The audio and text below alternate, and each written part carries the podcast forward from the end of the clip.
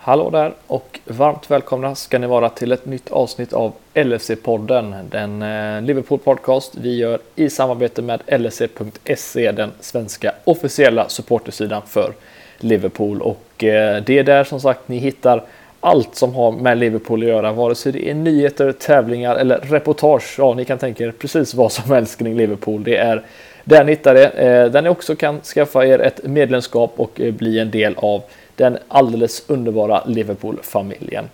I detta avsnittet kommer vi ju lägga rätt mycket fokus på matchen mot Real Madrid som skedde här igår och eh, prata lite om känslorna kring detta samt även snacka upp inför den viktiga matchen mot Aston Villa på lördag då ja, det är slutracet i topp 4-striden här snart som eh, drar sig ihop och eh, Liverpool behöver eh, öka takten lite för att hänga med där och vi ska ta alla känslor kring detta och mycket därtill. Så häng med så har vi ett nytt avsnitt här.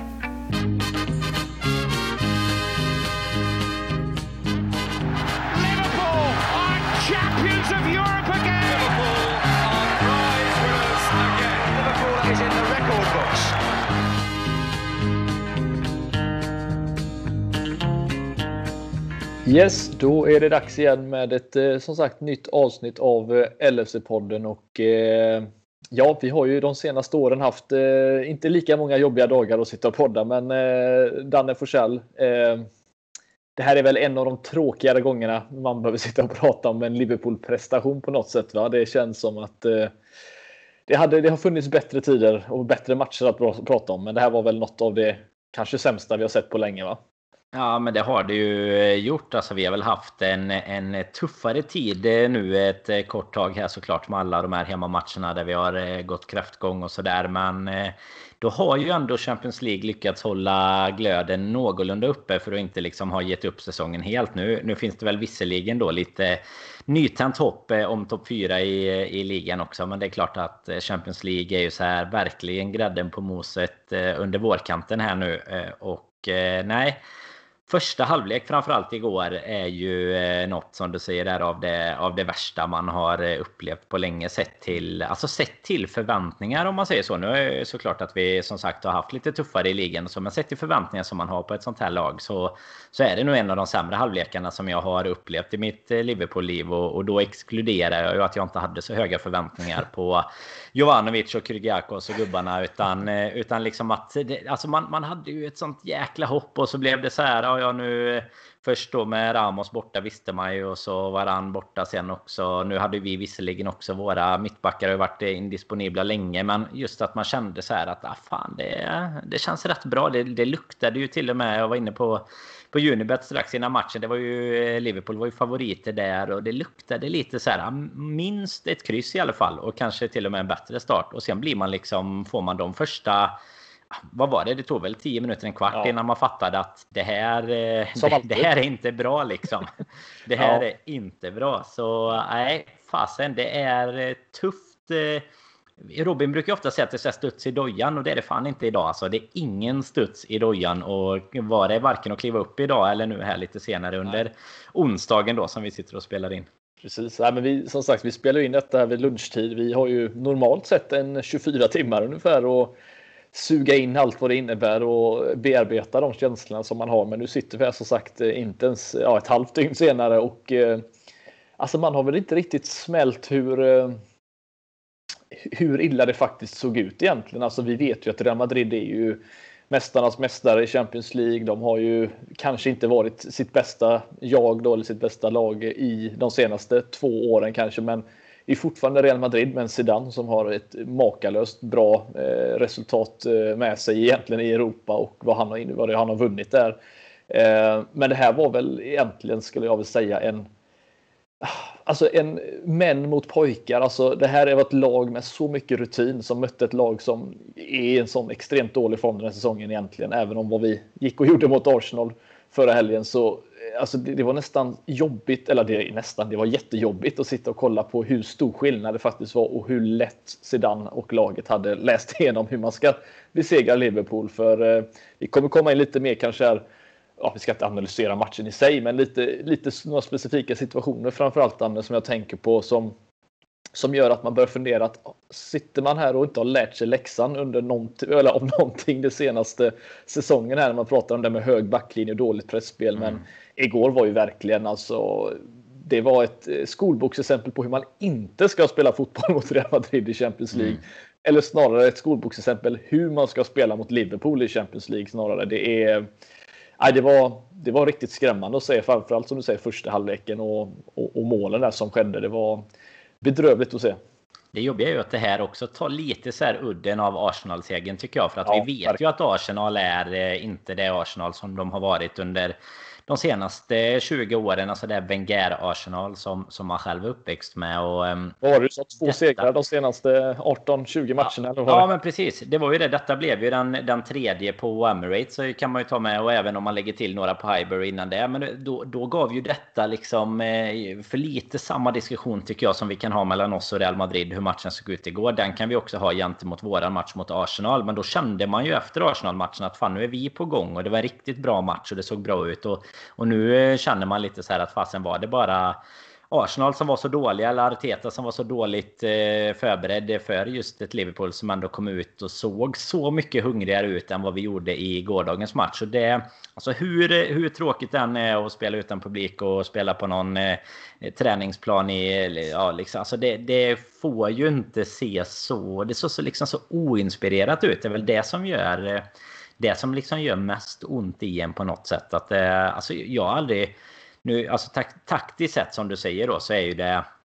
De, de, eh, alltså om du ska sätta en hög press så måste du också sätta en hög press på den killen som har bollen. Och särskilt om den killen är typ Toni Kroos eller, eller Luka Modric. Liksom. Det, ja. det märkte vi och fick lära oss om inte annat igår. Men det som, eh, som jag också kan, kan bli så jäkla besviken på eh, kan ju också bero på deras pressspel. Men extremt mycket felpassningar igår. Alltså jag kan inte komma ihåg att vi har har haft en match de senaste åren där vi bara slår bort bollarna så. Alltså vi, att man gör det stundtals eller att det är en spelare som har en dålig dag. Men liksom vi, vi pratar ju vi pratar ju ett mittfält som, eh, alltså utan att ha sett någon eh, statistik på det. Och de, de har ju såklart förlåt en del sidledspassar i matchen med. Men det känns ju som att så här i avgörande viktiga lägen så är det ju knappt 50% av passningarna igår som, som går hem. Och framför allt så sätter vi oss, oss själva i extremt farliga lägen defensivt när vi slår bort alltså vad som i vanliga fall är så här busenkla passningar liksom. Och sen eh, ja, lite oturligt med om man tittar bakåt. Alltså både målet där, där Trump nickar, eh, nickar in ett eh,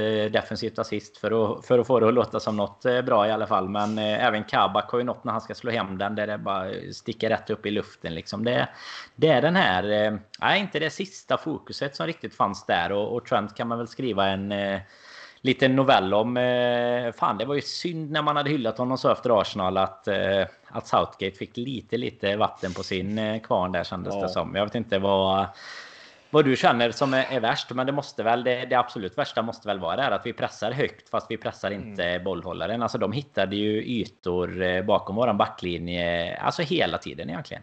Alltså, jag tror man kan egentligen börja med att, ja, det var ju förhoppningen och jag tror Klopp hade väl en liten liten känsla kanske att mot ett, ett offensivt Real Madrid och eh, att får man en, en Leipzig-spel, alltså en sån matchplan som vi hade mot dem så kanske det kan bli riktigt roligt för oss och eh, fröjdig fotboll sådär. Men Real Madrid hade ju som sagt, och, och framför Zidane i det här fallet, och hade ju läst sönder oss ganska ordentligt och jag tror jag läste mig fram till att de slog 40 långbollar igår. Alltså, mm. Det är ju sättet man bryter den här pressen, att innan vi ens hinner sätta igång den pressen då hittar vi långbollar mot bakom deras, eller ja, vår backlinje.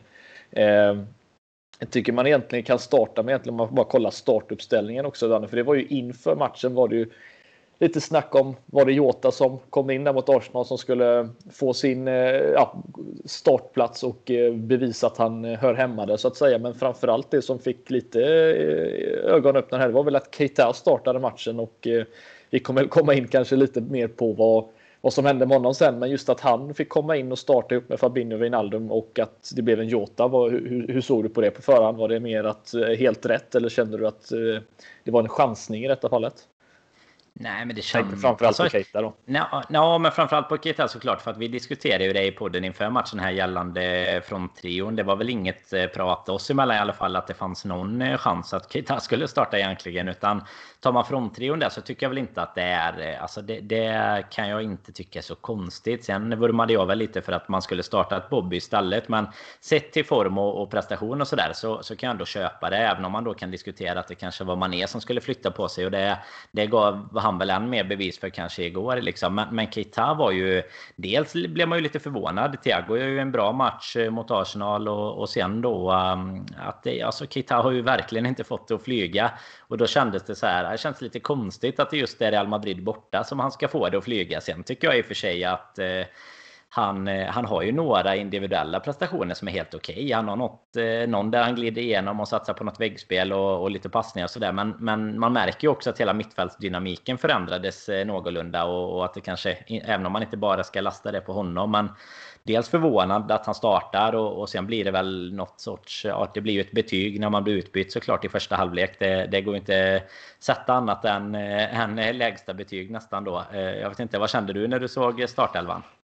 Ja, nej, men jag, vi, vi har ju pratat om att Thiago och han eh, alltså rent kvalitetsmässigt så är han ju den kanske bästa spelaren om man pratar, inte i form än, men liksom overall. Han är en, en riktigt bra spelare som kan bidra med väldigt mycket i vårt spel, även om Fabinho kanske är viktigare i det här fallet då. Men att han fick komma in bredvid Wijnaldum och Fabinho.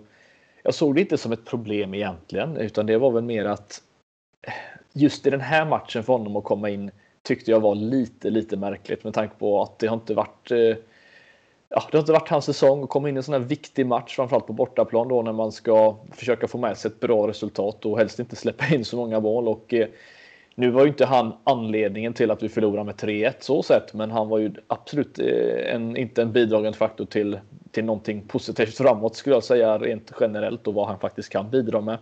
Eh, och blir man utbytt innan halvlek. Det är inte ofta Klopp gör detta. Jag tror inte jag kan minnas någon annan än Dejan Lovren på, på Wembley som han har bytt ut av taktiska skäl i första halvlek. Du får gärna rätta mig om jag har fel, men jag Nej, kan inte, inte minnas något. På, inte som jag kommer på så här på rak arm, eh, så faktiskt. Och, och det var ju en, en prestation som går in i historieböckerna på grund av det negativa eh, i det fallet. Och så här illa var det väl såklart inte för, för Keita, men eh, någonting behövde göras, men eh, lite som du nämnde och som jag såg även att vår poddkompis Robin pratade om. Eh, Sadio Mané får ju faktiskt eh, man ställa lite frågetecken eh, till kring nu. Alltså nu är det en formsvacka som är något av det sämsta jag någonsin sett honom vara inne i och prestera mm. i. Och jag vet inte riktigt hur han ska kunna komma in i det. Han har ju en conversion rate som är halverad nästan än vad han hade när van Dijk spelade, alltså runt den perioden när han skadade sig. Nu ser jag inte att det har med det att göra, men sen dess så har han liksom gjort mål på 10% av sina skott. Liksom. Det är fruktansvärt dåligt och han har ju missat mycket lägen och eh, sett allmänt loj ut på många, i många situationer och eh, jag vet inte riktigt vad man ska göra eh, för att han ska komma tillbaka Danne. Men han var väl min förhoppning om att han i så fall skulle få sättas åt sidan som du nämnde och att eh, Jota skulle kanske fått spela där ute för det tycker jag att han ändå gör väl när han väl spelar ute på vänsterkanten också. Så det, ja, det är som sagt laguppställningen var inte något problem innan matchen Danne som jag ser det, men eh, det är väl snarare taktiken som var det stora problemet och hur hur lätt det var för Real Madrid att faktiskt skapa lägen för oss eller för dem. Mm, absolut, det var väl det. Alltså, så sett på förhand var man ju inte... Alltså, det var ju mer att man var lite förvånad att Keita skulle spela, men inte, inte att man kände att det var liksom eh, kört eller, eller någonting sånt. Utan, eh, det var nej, inte som det... när vi var på podden away eh, mot Cardiff som jag var med senast och man ser att Lalana startar. Man tänkte här kommer man att försöka se storstjärnorna så kommer Lalana att starta. Då höjdes ögonbrynen. Det var det eller om du tar, om du tar senaste Real Madrid-matchen borta. Ja, den var ju också lite... Den, den var ju också lite ifrån sig i alla fall. Det, var liksom inte Borini, Markovic och gubbarna som var utställda. Nej, men det var ju... Det var ju inte, nej, men precis. Så sett var det ju inte något eh, fel, utan det, det, är väl snarare att jag tror inte att vi kommer få se eh, Keita spela. Jag tror att Jocke Lundberg skrev en tweet om det när han blev utbytt där, att det var det sista han gjorde i tröjan. Jag vet inte om jag vågar dra det så långt, men eh, han, han lär inte spela returmötet i alla fall. Han kommer ju säkert spela någon match innan säsongen är slut, det tror jag. Men jag tror definitivt att Liverpool kommer se över tanken att han eh, och möjligheten att, att få en bra slant för honom i sommar för att det är. Eh, det var en, en, ett köp som vid den tidpunkten var extremt intressant med tanke på vad han hade presterat i, i, i Bundesliga. Men eh, alltså detta har ju inte funkat på för någon part egentligen och eh, jag tror definitivt att han Eh, Liverpool kommer försöka få ett bud som passar eh, till sommaren. Men eh, det är jobbigt att han springer runt med, med Gerard, att han är arvtagaren till nummer åtta. Liksom. Det är ju ändå så här. Man, man, har ju lite, tycker jag, nästan försökt koppla bort vilka förväntningar man egentligen hade på honom. För nu de senaste åren så är det, eller ja, det, det senaste året kanske framförallt, det har ju liksom övergått till att man bara hoppas att det någon gång ska bli något bra liksom. Men Alltså sett till förväntningar så är det ju en av, alltså sett över tid så en av de absolut eh, värsta värvningarna som det har verkligen inte funkat och han har skadat sig och, och liksom ja, hamnat i hela den karusellen istället då.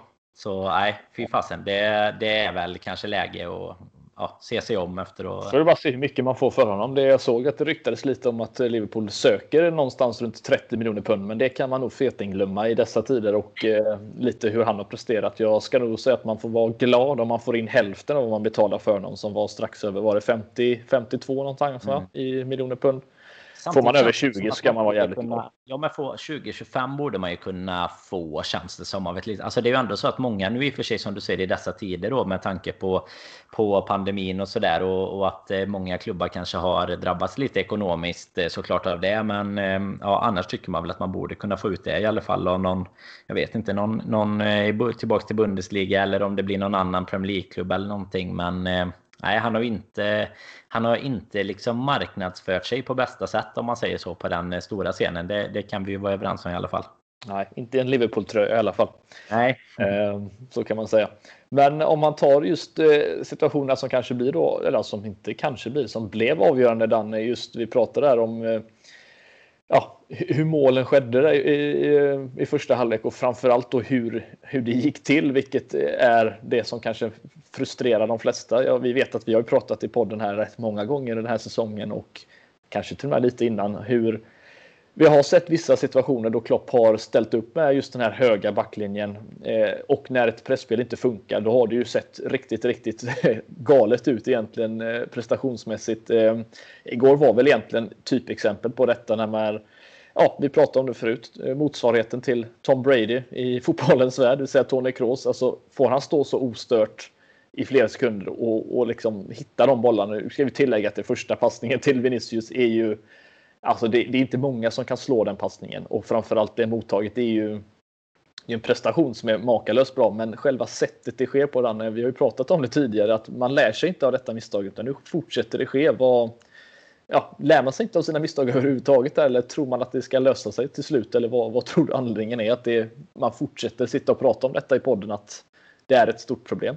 Nej, men det kan man ju undra. Jag menar, är det någonting? Alltså det vi saknar där, det är ju pressen på bollhållare helt enkelt. Det som vi var, var så extremt bra på i Arsenal-matchen till exempel. För, eh, och som vi liksom har byggt hela våran framgång på de senaste åren skulle jag säga.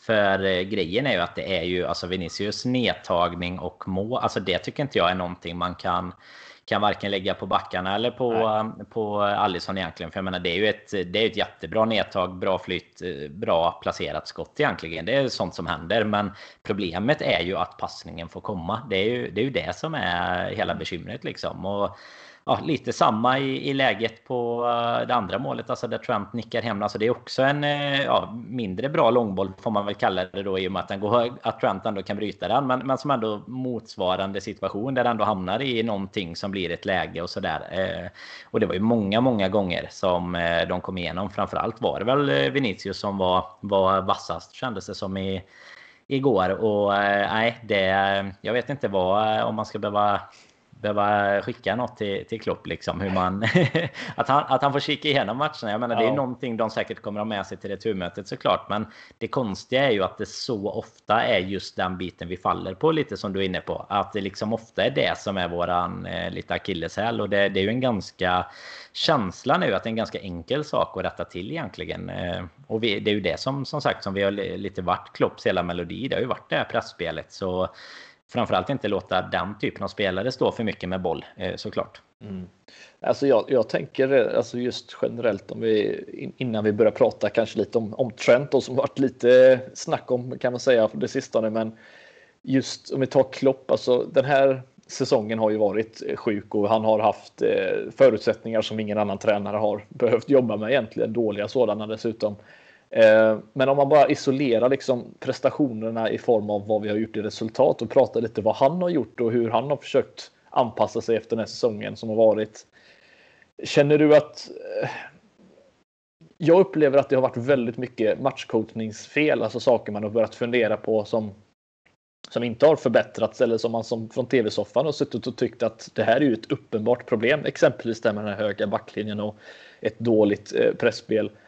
Eh, ska man säga att Klopp, alltså vi sitter ju och pratar om att spelarna får jättemycket skit för att de inte gör mål eller de står för misstag. Men Klopp eh, och hans matchcoachning den här säsongen har ju faktiskt, han har inte varit sig själv känns det som på något sätt. Och vi vet ju, i januari så gick hans mamma bort. Det har säkert tagit jättehårt på honom, vilket vi kan förstå till 100 procent. Men det är väldigt mycket som har det har inte känts så rätt från honom den här säsongen heller. Jag vet inte om det är bara just att det inte är några fans på läktaren, att han är en sån känslokille liksom när det gäller just att, att, att pumpa på. Men det känns som att det är mycket misstag som vi inte har lärt oss av som just gör att vi sitter här och pratar om en 3-1 förlust som kanske hade varit ett 1-1 kryss istället. Då.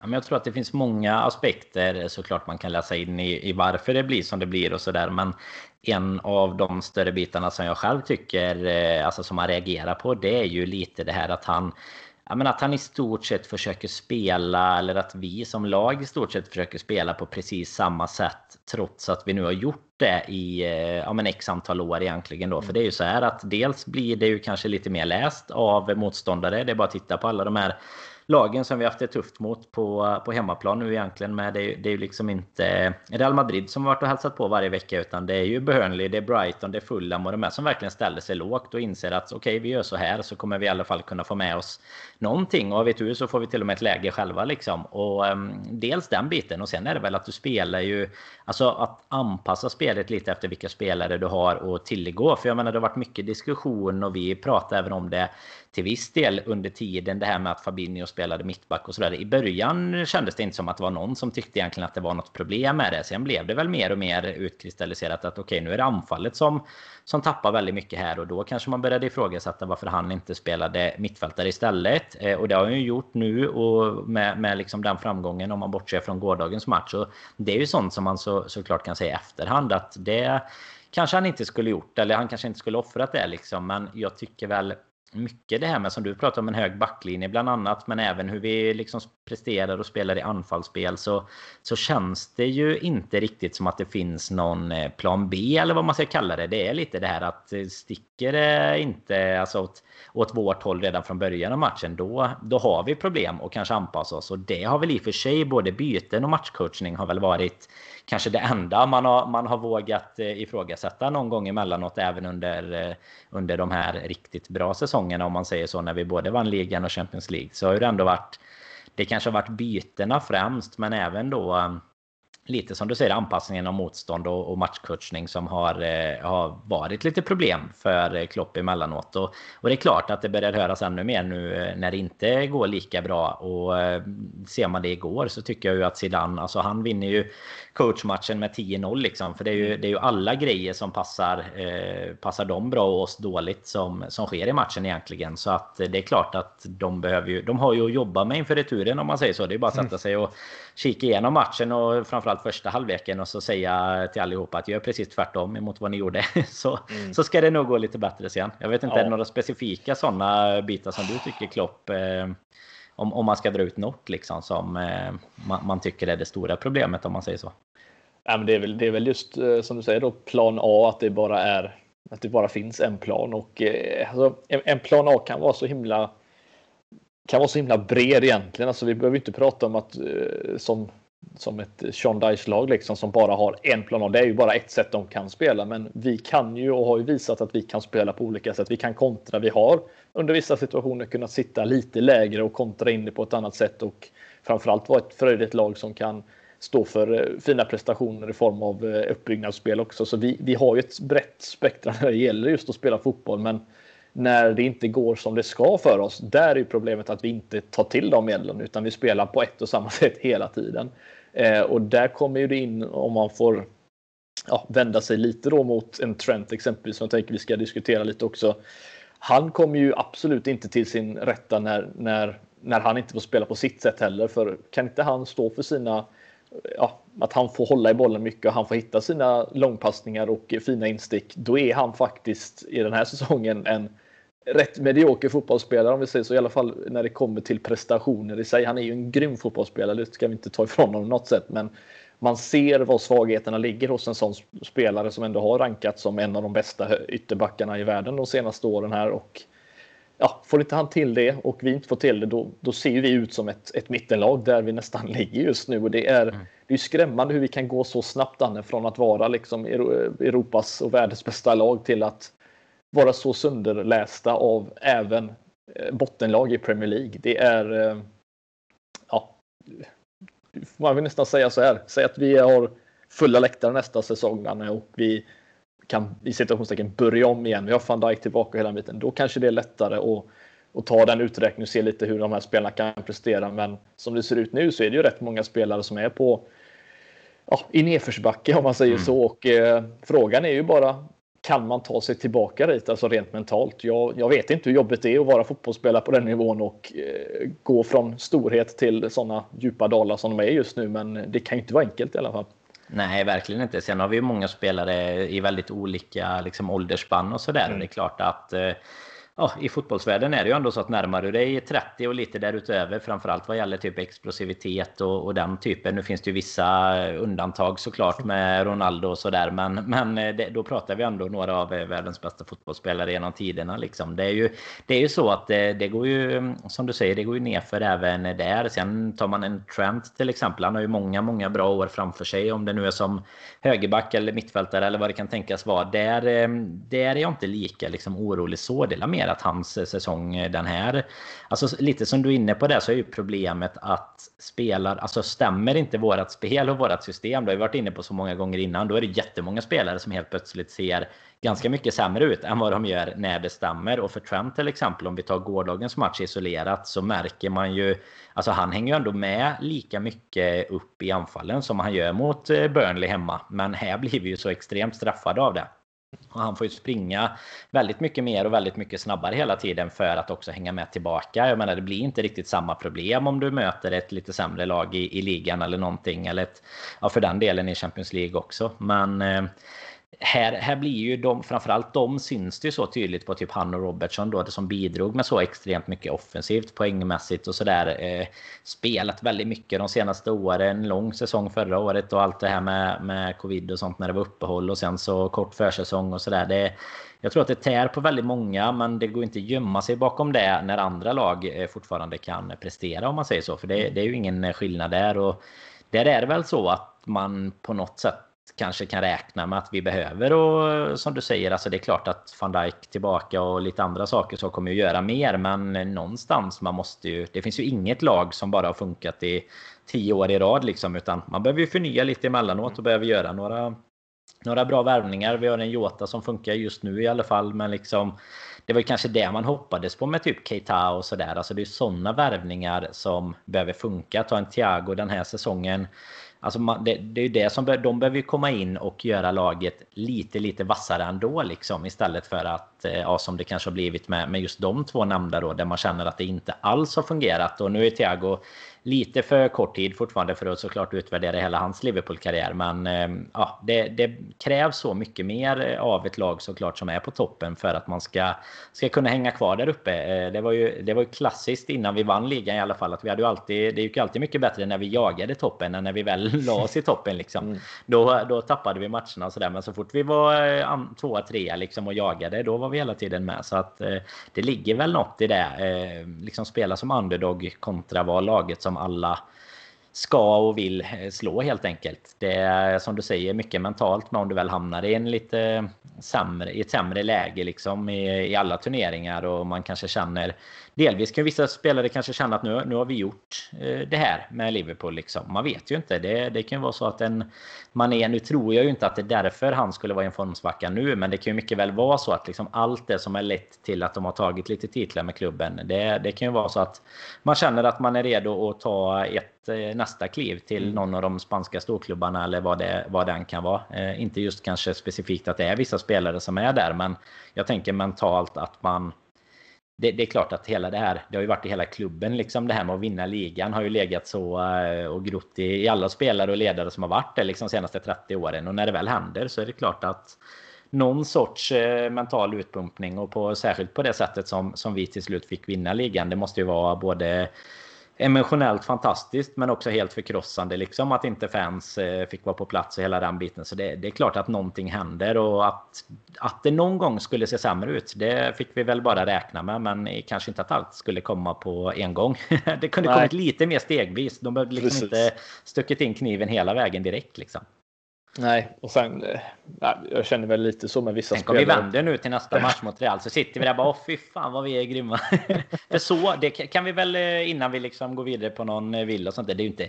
Vad känner du? Är det kört liksom? Vad, hur, vad ger du våra... Vad, vad ger du för chanser? Inga alls. Noll procent? Inte en. Det kommer inte vara ett, en enda supporter på Anfield.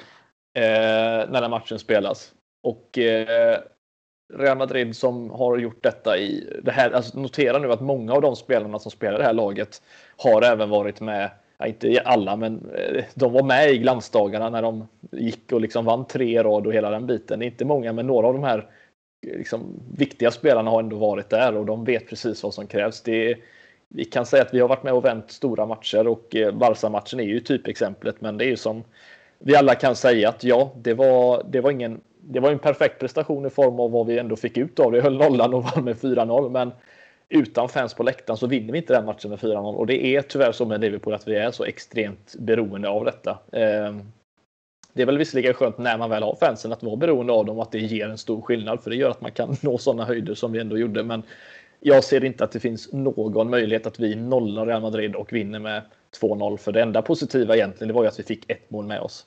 3-1 är bättre än 2-0. Så att mm. Eh, Ja, inte han som vi startar Shakiri och Rigi igen.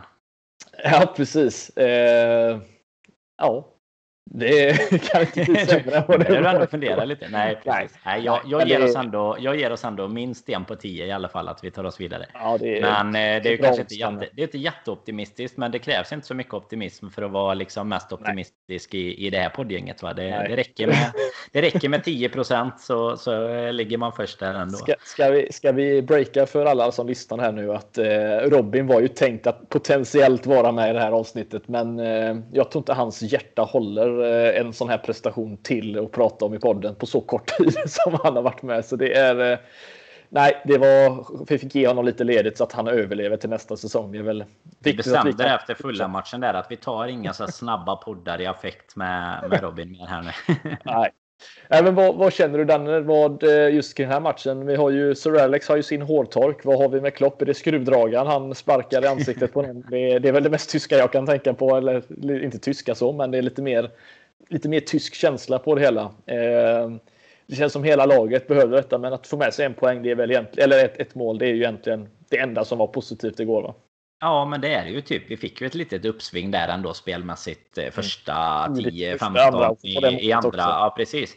Och då i, i den eh, sessionen där målet kom också. Och, ja, alltså det, det, är väl lite som du säger. Alltså ska man ta med sig någonting så finns det kanske inte jättemycket mer att ta med sig än det målet. Men det är ju lite synd att vi släpper in eh, ett tredje såklart. För 2-1 hade ju fasen nästan varit ett bra resultat att ta med sig. Eller det är det ju nästan med, med bortamålsregeln så som den fungerar. Och 3-1 det är ju det jag känner lite att det finns ju ändå. Alltså 2-0 ska fasen inte vara... Alltså det ser ju såklart omöjligt ut med tanke på matchen igår. Men eh, det, det ska ju ändå finnas någon liten möjlighet. Hade det däremot varit 3-0 då hade det också, hade jag känt som... Mm. Som du sa att det, det, hade varit helt kört. För jag såg att vissa gjorde den jämförelsen med just Barcelona. Men alltså grejen är att Barcelona-matchen borta som vi förlorade med 3-0. Då är vi riktigt, riktigt bra. Och hade ja. mycket väl kunnat göra ett par mål och sådär också. Eh, så att det är liksom, jag tycker inte riktigt att de går att jämföra. Eh, och sen ska man ta hemmamatchen så har du redan egentligen nämnt allt man behöver göra kring publik och sådär. Men det, det, är liksom inte jämförbart. Här blir vi ändå eh, alltså, utmanövrerade på ett sätt som vi inte blev i den matchen. Så jag tycker inte man kan dra några liksom raka paralleller. Utan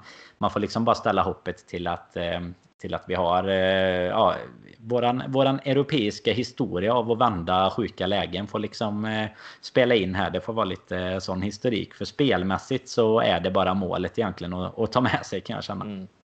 Sen, sen, känner jag också rent, alltså, vi har pratat om det här med Ja, men vi, efter ja, Everton-matchen, att inte ens i ett sånt viktigt derby så kan folk, eh, spelare, eh, komma upp i prestation och se ut i alla fall som att man ger 195 procent i sina prestationer. Då, även då börjar man ju fundera. Men jag tycker det kan vara värt också att isolera det 3-1 målet som de faktiskt gör och kolla på en sån som Wijnaldum. Eh, jag vet inte om du har sett, eh, sett det klippet när de har just isolerat honom på det, på det målet. Nej, det tror jag inte. Han står i alla fall strax utanför straffområdet, ish någonstans där omkring. Eh, han står helt stilla. Sen eh, under, under tiden bollen egentligen är utanför straffområdet, ute till höger och innan den kommer in i boxen. Han står alltså helt stilla och rör sig inte en centimeter under den perioden som målet eh, mer eller mindre sker. Och då börjar man ju fundera liksom att ja, det går dåligt. Det är just nu. Det, det gick inte bra i matchen, men när inte ens en toppspelare på den nivån kan ens se ut som att man försöker göra någonting, då, då har man ju liksom då har man ju nått en gräns kan jag tycka. Alltså, så illa. Alltså jag kan säga så här. Hade, jag, hade du och jag spelat för Liverpool. Alltså det är lite så som Trent har agerat. Alltså när det, hur man ser hur det betyder för en spelare som är från Liverpool. Jag hade aldrig någonsin sett ut på det loja sättet som de spelarna har gjort. Alltså jag hade sprungit.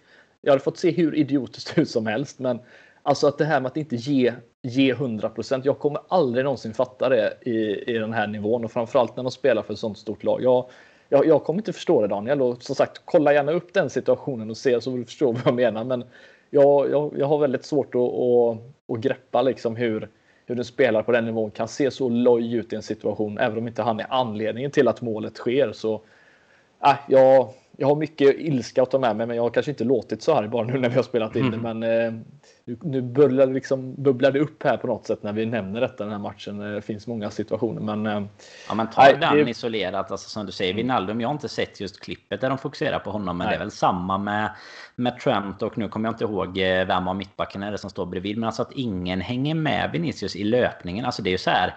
Alltså steg ett är ju att liksom markera mannen i boxen i alla fall. Liksom. Alltså det är så här, de skulle inte kunna slå en sidledspass i vårt straffområde och, och sätta det. Alltså det är så här, det får ju inte, det får ju bara inte ske liksom. Så att det, är ju, det känns överlag, det är lite samma, alltså så signifikativt med, med Trents eh, bakåtnick där som också plockas upp att det liksom inte är en av våra spelare som är först på den bollen ändå. Alltså någon av våra mittbackar eller Allison som kommer ut eller någonting. Utan det blir liksom, det är lite där vi är just nu. Att vi är två på bollen hela tiden. Och det var ju det som var så jäkla skönt med Arsenal-matchen. Att man kände att bara jäklar vad de är taggade och vad de är först på allt och liksom vinner dueller och sådär. Och, och så var det bara egentligen som som bortblåst. Även om det var ett bättre motstånd så är det precis som du säger. Det här med att ge 100% lite det jag var inne på i början. Alltså det här oinspirerade. Att det går ju aldrig att Alltså det går inte att gömma sig med det liksom. Utan det ser man ju rakt ut om man säger så. Alltså det går att spela en bra match och förlora ändå. Men då, där du i alla fall ser ut som att du har gjort ditt bästa och skapat någonting. Men här känns det bara så. Eh, det känns så liksom som att alla tycker att det är lite lönlöst ungefär. Jag menar det ska du inte behöva göra i en kvartsfinal i, Champions League kan man ju tycka. Nej. Nej, men sen som sagt, det är, det har varit mycket för vissa spelare. Alltså kollar man tillbaka, jag läste någonting om eh, strax efter matchen, någon som twittrade ut just hur vissa spelare har varit, eh, spelat väldigt mycket de senaste säsongerna. Och det var väl egentligen fem spelare tror jag som hade spelat över 130 matcher de tre, senaste tre säsongerna. Det mm. är löjligt mycket matcher. Jag tror det var Salah som hade spelat 142 eller något i den stilen, vilket är sjukt. Och Mané var väl uppe på 135 eller 138 någonstans. Och det är ju Wijnaldum, Trent och Robertson och det är ju de spelarna, kanske inte Salah hundraprocentigt, men framförallt då eh, Mané, Wijnaldum, Trent och Robertson. De har ju inte varit så lika den här säsongen. Och det måste ju ha någonting med att de har helt enkelt spelat så mycket. Men då är det ju lite ett problem om man inte får in någon som kan ersätta dem eller om man litar på de spelarna som finns där och ersätta. Då har man mm. gjort ett fel även där. Men eh, det måste vara helt enkelt att vilan har liksom aldrig riktigt kommit för de här spelarna och eh, det börjar väl eh, nu man ser riktigt hur illa det kan se ut då om man inte får sin vila.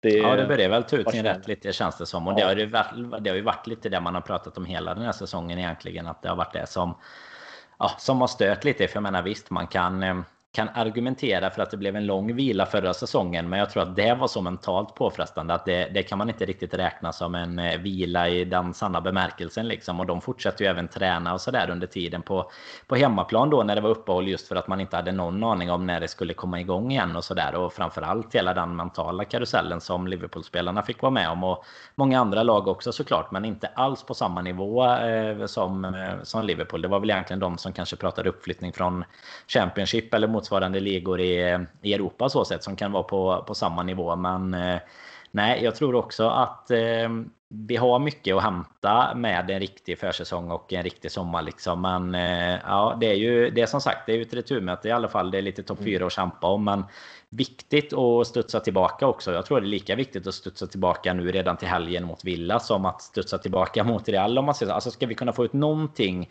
i en prestation i Champions League, då gäller det att vi ändå hittar tillbaka till det eh, redan nu till helgen skulle jag säga. Inte mm. att vi kan liksom vaska den här matchen för nu helt plötsligt så finns det ju fasen lite, grejer det finns ju lite hopp i ligan. Ja, men det finns ju lite hopp i ligan också liksom så att hade det varit som som man kanske kunde misstänka innan då att Chelsea skulle slå West Bromwich och vi kryssar mot Arsenal eller någonting. Då hade man ju känt så här att nu det är dags för U18 och, och spela mot Villa igen liksom. Men, eh, men nu, ja, fasen, den blir ju den blir nästan ännu viktigare med tanke på hur det gick i Madrid nu. För nu känns det ju som att det är så liten chans att gå vidare där. Att nu är det ju då eh, topp 4 som, som gäller liksom. Jag vet inte vad... Eh, det är svårt att ranka den matchen högre än eh, returmötet såklart. Men alltså det, det går ju inte direkt ställa ut eh, några koner på, på lördag heller liksom. Nej, nej alltså den här matchen blir ju... Eh, ja, alla matcher är viktiga, det vet vi ju. Men just nu när vi har pratat om det här med att alla lagen som ligger långt runt omkring oss. Det kommer vara en hel del matcher där innan säsongen är slut där de kommer att möta varandra. Lag kommer att tappa poäng, ganska många poäng, alltså om man räknar vad, vad det kan bli i slutändan.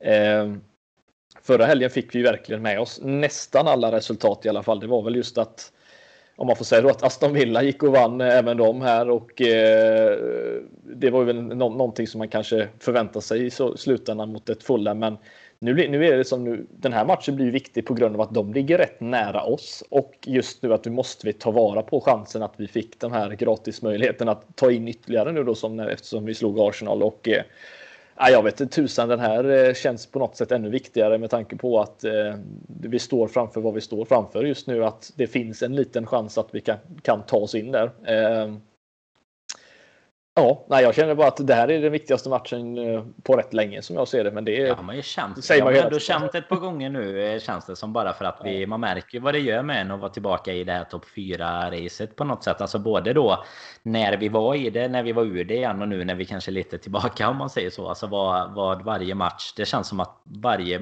alltså man har nästan sagt det för varje match nu att så här, det här är viktigt. Arsenal var ju samma sak. Det var ju, blev ju extremt viktigt med tanke på det gick med med Chelsea sådär. Nu har vi ju eh, ja, inte sju eh, raka hemmamatcher som är något att skryta med. Vi har gjort ett mål och, och det är liksom ett, ett kryss och sex förluster. Så det är, det är inte toppen om man säger så. Men eh, nej, vi får väl eh, vi får helt enkelt glömma den till till helgen här nu. För det är ju som du säger, det blir extremt viktigt. Eh, alltså ur en tabellmässig och en topp 4 prestation. Det blir extremt viktigt sett till eh, givetvis då hur ja, vi ska kunna prestera i, i Champions League framöver med. Och sen Sen är det ju det Chelsea då som eh, inte visar sig från sin bästa sida sist. De har Crystal Palace borta. De har väl inte kanske rosat marknaden den här säsongen. Men ändå en, eh, alltid en tuff bortamatch liksom tycker man ju. Det är West Ham som möter Leicester. Så att det är ändå något av dem som ska tappa. Så, så att det händer ju mycket eh, runt de platserna nu som, eh, som kan vara extremt spännande och viktigt. Det är väl Minns jag rätt så har väl Spurs även United. Nu kanske United då tack vare sin sena vändning sist eh, kanske är borträknade just från det racet. Men de eh, vill väl slå ett Spurs också. Så nu hade man ju nästan fått sitta och hålla lite på Ole Gunnars eh, soldater där konstigt nog. Men nej, det, det är ändå mycket som talar för att vi liksom på två, tre bra omgångar i ligan skulle kunna vara uppe på en fjärde plats och då då har man ju inte råd eh, att eh, spela som vi gjorde igår. Det hade inte ens räckt mot Aston Villa, det kan vi väl eh, konstatera. Och ja. det, det liksom blir ju på något sätt, man måste hitta tillbaka till det här jäkligt fort. För det är inte många matcher kvar att, att spela på nu alltså. Nej, och jag hoppas väl att det finns någon form av revanschlust efter vad som hände i, i, i höstas också dessutom. Det är ju det får man verkligen hoppas. Den, det... den satt ju hårt inne som sagt. Det, det kan vi inte säga någonting annat än att det gjorde. Men det som är lite frustrerande här Danne, det är just att och lite vad, vad som kanske spelarna ser som en förhoppning visserligen nu då. Det är, det är ju vad jag ser här. Det är ju att nu ska vi alltså försöka vinna vår första match på Anfield i ligan sedan den 16 december. Oj, ja precis. Det var Spurs. Det var titelmatchen ja. där. precis, exakt. Och då var det ändå ett mål i den 92 minuten eller 90 minuten vad det var. Sent i alla fall. Och publik eh, på läktarna var det väl dessutom. Så det var ju ytterligare en faktor som vi inte får denna gången. Nej, nej men alltså jag med tanke på hur dåliga vi har varit på Anfield och faktiskt då hur Aston Villa, de är eh, kluriga. De har ju en Grealish tillbaka ser ut. Eh, ja, han är väl tillbaka nu i alla fall. Och eh, de, de har varit bra mot topplagen och har gjort stått för en väldigt bra säsong. Det måste vi ändå ge dem. Så att jag ser ju inte detta som en säker trea på något sätt och det hade jag inte gjort eh, egentligen med publik heller för den delen. Men det här är det här är ju en riktigt tuff match Danne. Villa vet ju lite vad. De har ju med sig någonting från förra matchen i alla fall. Men eh, ser du någonting positivt inför detta med tanke på ja, att vi just är hemma eller att det är mer en revanschlust känsla efter vad som skedde här nu mot Real Madrid? Ja, det får man väl hoppas i alla fall att de kan eh, kamma upp sig tillräckligt för att känna det. För det är ju alltså tyvärr konstigt nog så är det ju ett Villa, alltså vid den nu nu hoppas jag och tror inte att vi eh, ska behöva tala om att vi ska kunna förlora. Men jag menar, skulle de slå oss så är de i stort sett uppe på samma poäng nästan. De är fem poäng back på oss nu och de har en match mindre spelad. Så det, det, är liksom, och ett Everton som är en match mindre spelad som också bara är två poäng bakom. Så jag menar, det är ju lika väl som man kan prata om platserna ovanför så kan man ju, kan man ju tyvärr eh, vara, vara tvungen någon gång emellanåt att titta lite vad som kommer bakom en också. Och Villa har ju som du säger, det är ju en jättesäsong. De är nia just nu med, med liksom häng på Europaplatser och det får man ju verkligen ge dem som klarar sig på riktiga målsnöret förra säsongen då. Eh, ja. Och de, de har ju verkligen mycket att spela för. Och mm, lite som du säger tror jag väl att de kanske har mer nytta. Eller det, det vore inte jättekonstigt. Men jag tror mer på att de har liksom det här att vi kan Liverpool-nycklarna kontra vad vi skulle vilja revanschera oss efter den här 7-2 mm. förlusten. Det, då tror jag att Villa har en större fördel. Så jag ser inte direkt något eh,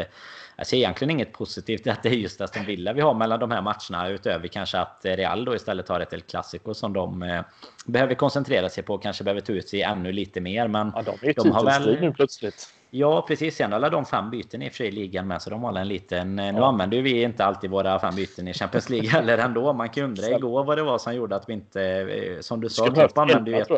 Ja, men Klopp använde ju ett tidigt byte, men sen använde vi ju egentligen inga innan med 10 minuter kvar ungefär ändå. Men eh, nej, det är väl eh, känslan ändå att hemmaplan borde ge oss en fördel, men det är ju det man, det har man väl så vad ska man kalla det, ingrott i sig att det är en fördel. Och jag vet inte egentligen hur mycket fördel det är nu längre utan eh, publik och sånt där men annars är det väl man, man hamnar väl alltid i det att det ska finnas någon lite bra känsla inför matchen igen. Och jag, jag tycker väl ändå att vi ska kunna kunna hämta oss så pass gott både från eh, vad som hände liksom förra helgen med bra match mot Arsenal och eh, att titelkonkurrenter tappar. Eller titelkonkurrenter, det är inte det vi är längre i det första. Det är ju topp 4-konkurrenterna tappade lite.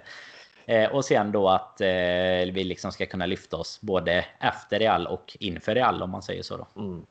Ja, nej, det, alltså spelarna måste ju känna känslan av att det är dags att vinna en match på Hemfield just nu. Alltså de, det är ju det enda de, det kanske blir lite som en spärr för dem också, att de vet att de inte har vunnit länge och att de inte kanske ser det som en motivation på det sättet som man kanske hade hoppats att de hade gjort. Men eh, jag tror att alltså det är ju professionella fotbollsspelare. De vet ju vilken standard de ska spela på, vad, vad fansen förväntar av dem i slutändan och sig själva för den delen. Eh, så nej, ingenting annat än en vinst är ju vad vi ska gå på, eh, som, som, jag ser det och som alltid. Man, man, borde göra såklart, men nu är det ju verkligen eh, slutspurten som gäller där. Det är inte mm. många matcher kvar, men det är ack så viktiga matcher och eh, nu kanske inte jag är orolig för att Aston Villa ska gå om oss. De har ju faktiskt i sina sju kommande matcher så har de ju, de har ju City, Everton, United, Tottenham och Chelsea inkl mm. inklusive oss och Palace och eh, West Brom. Så det är ju det är inte där problemet ligger utan det är väl för oss som sagt att vi måste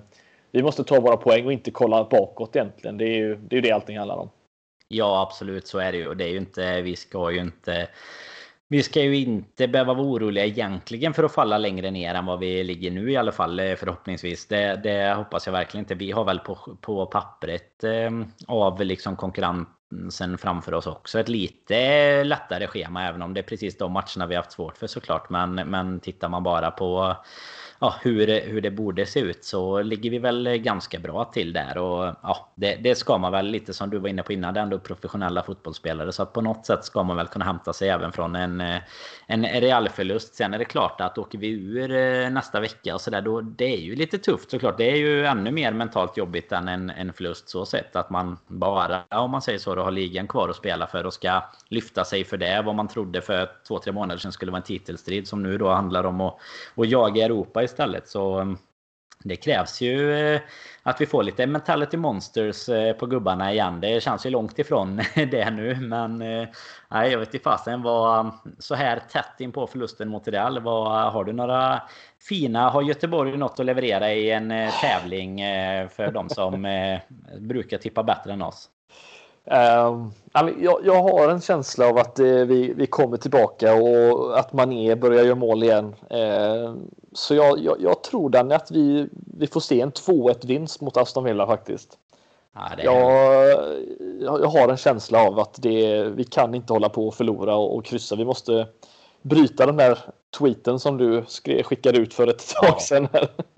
ja, och som vi eh. pratade om. Jag tror det var vi som poddade därefter när jag skojade och sa mm. det. Det ska inte bli 68 raka sådana här nu. Så nu är vi uppe på sju i alla fall, så det är inte så många kvar. nej, det är hemskt att säga, men så är det faktiskt. Men nej, jag, jag tror att vi studsar tillbaka faktiskt. Eh, jag tror att Klopp tar fram som sagt skruvdragaren och eh, sen Sen sker det lite förändringar och vi kommer se ett annat Liverpool. Jag hoppas i alla fall det för att det är det här med att säga att det kan inte vara värre än vad det har varit. Det, det känns som att man sagt det några gånger nu och eh, varje gång så känns det värre på något sätt. Så att, eh, mm. Men nu måste vi studsa tillbaka. Det, det är prio, helt klart. Ja, nej, men det känner väl jag med egentligen. Ja, vad känner du jag, själv då? Nej, men jag tror eh, också, jag tror att du är rätt på det, men jag tänker att Alisson får hålla nollan här nu. Mustaschen fick ta lite för många baklängesmål igår, så jag tänker att nu blir det nolla, så det blir en 2-0 eh, tänker jag. Att vi ändå Ja, jag tror att vi kan studsa tillbaks lite. Det är som du är inne på där. Klopp har tagit fram något ur verktygslådan och, och skälpt lite och, och, fått igång laget igen. Eh, ska också passa på förresten och, och hylla lite. Vi drog ju även en vinnare kan vi säga i vårat. Vi har ju kört ett litet Gerard-quiz ja, där i samband med våran eh, specialpodd där om Steven Gerard och framförallt kanske då tränaren Steven Gerard. Eh, vi Fick ju 15 stycken nästan som, eh, jag tror det var cirka 15 som hade mm. alla rätt i quizet. Eh, nu eh, finns ju såklart alla möjligheter att, att ta till diverse hjälpmedel. Så det, man kanske inte ska vara förvånad över att många har många rätt. Men mycket starkt jobbat av de 15. Och då fick ju som bekant lotten avgöra. Då blev det Dominik Strandqvist som vinner matchtröjan. Så att ett riktigt fint tillskott till garderoben. Det var ju ingen som la beslag på kapsen i, tävlingen faktiskt mot Real. Och det är väl, det är väl skönt kanske att folk inte ja. tror att vi... Det var ju faktiskt några som började vinna där i, när, vi, när vi hade våra hemmaförluster här. Så var det ju någon som började vinna till slut. För det, det, folk insåg väl att nu kan vi inte tippa mer på Liverpool. Så vi får väl se hur eh, tipstävlingen går inför eh, helgen här. Men 2-0 och 2-1 det, det är vad vi, eh, vad vi bidrar med i alla fall. Ja, nej men det känns som att vi behövde lite avsluta med lite positivitet i det här avsnittet var min känsla i alla fall. Så att eh, nej, det var. Nu måste vi verkligen studsa tillbaka den. Så vi, vi säger väl att de gör det nu och så tar vi tre poäng och eh, förhoppningsvis så tappar ju konkurrenterna runt om eh, kring fjärdeplatsen ytterligare eh, poäng här till, till helgen. Så att eh, det är väl vad vi kan hoppas på i alla fall.